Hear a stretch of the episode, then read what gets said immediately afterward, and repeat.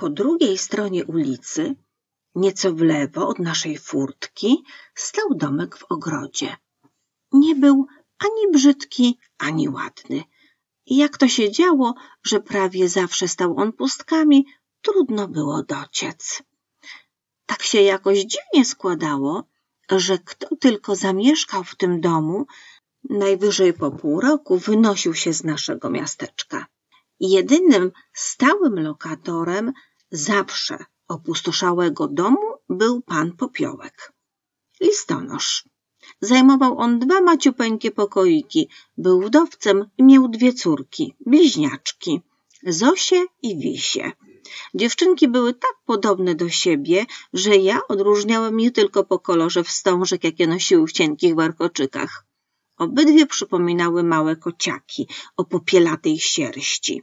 Odzywały się rzadko, a zawsze razem były poważne, uroczyste i na czerwonej wstążce wodziły po ulicach czarną owieczkę, którą nazywały perełką.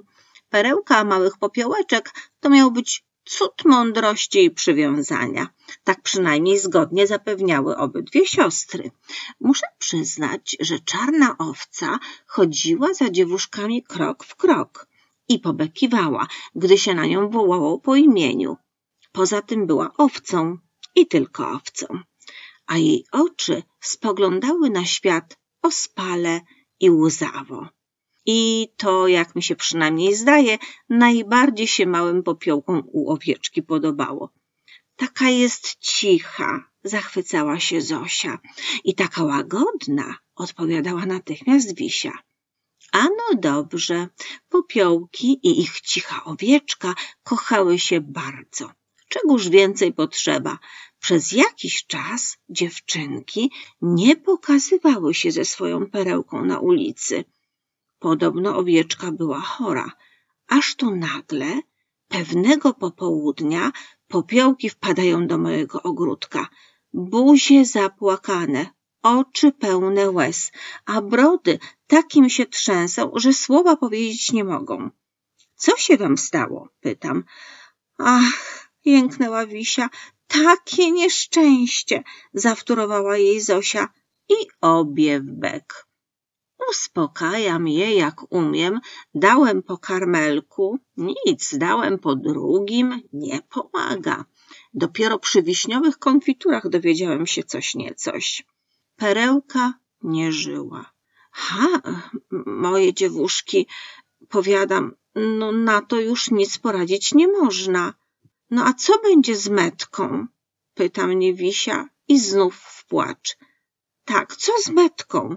powtarza Zosia przez łzy. Jaką znów metką? Dziwię się, bo o żadnej metce nie słyszałam jako żywo.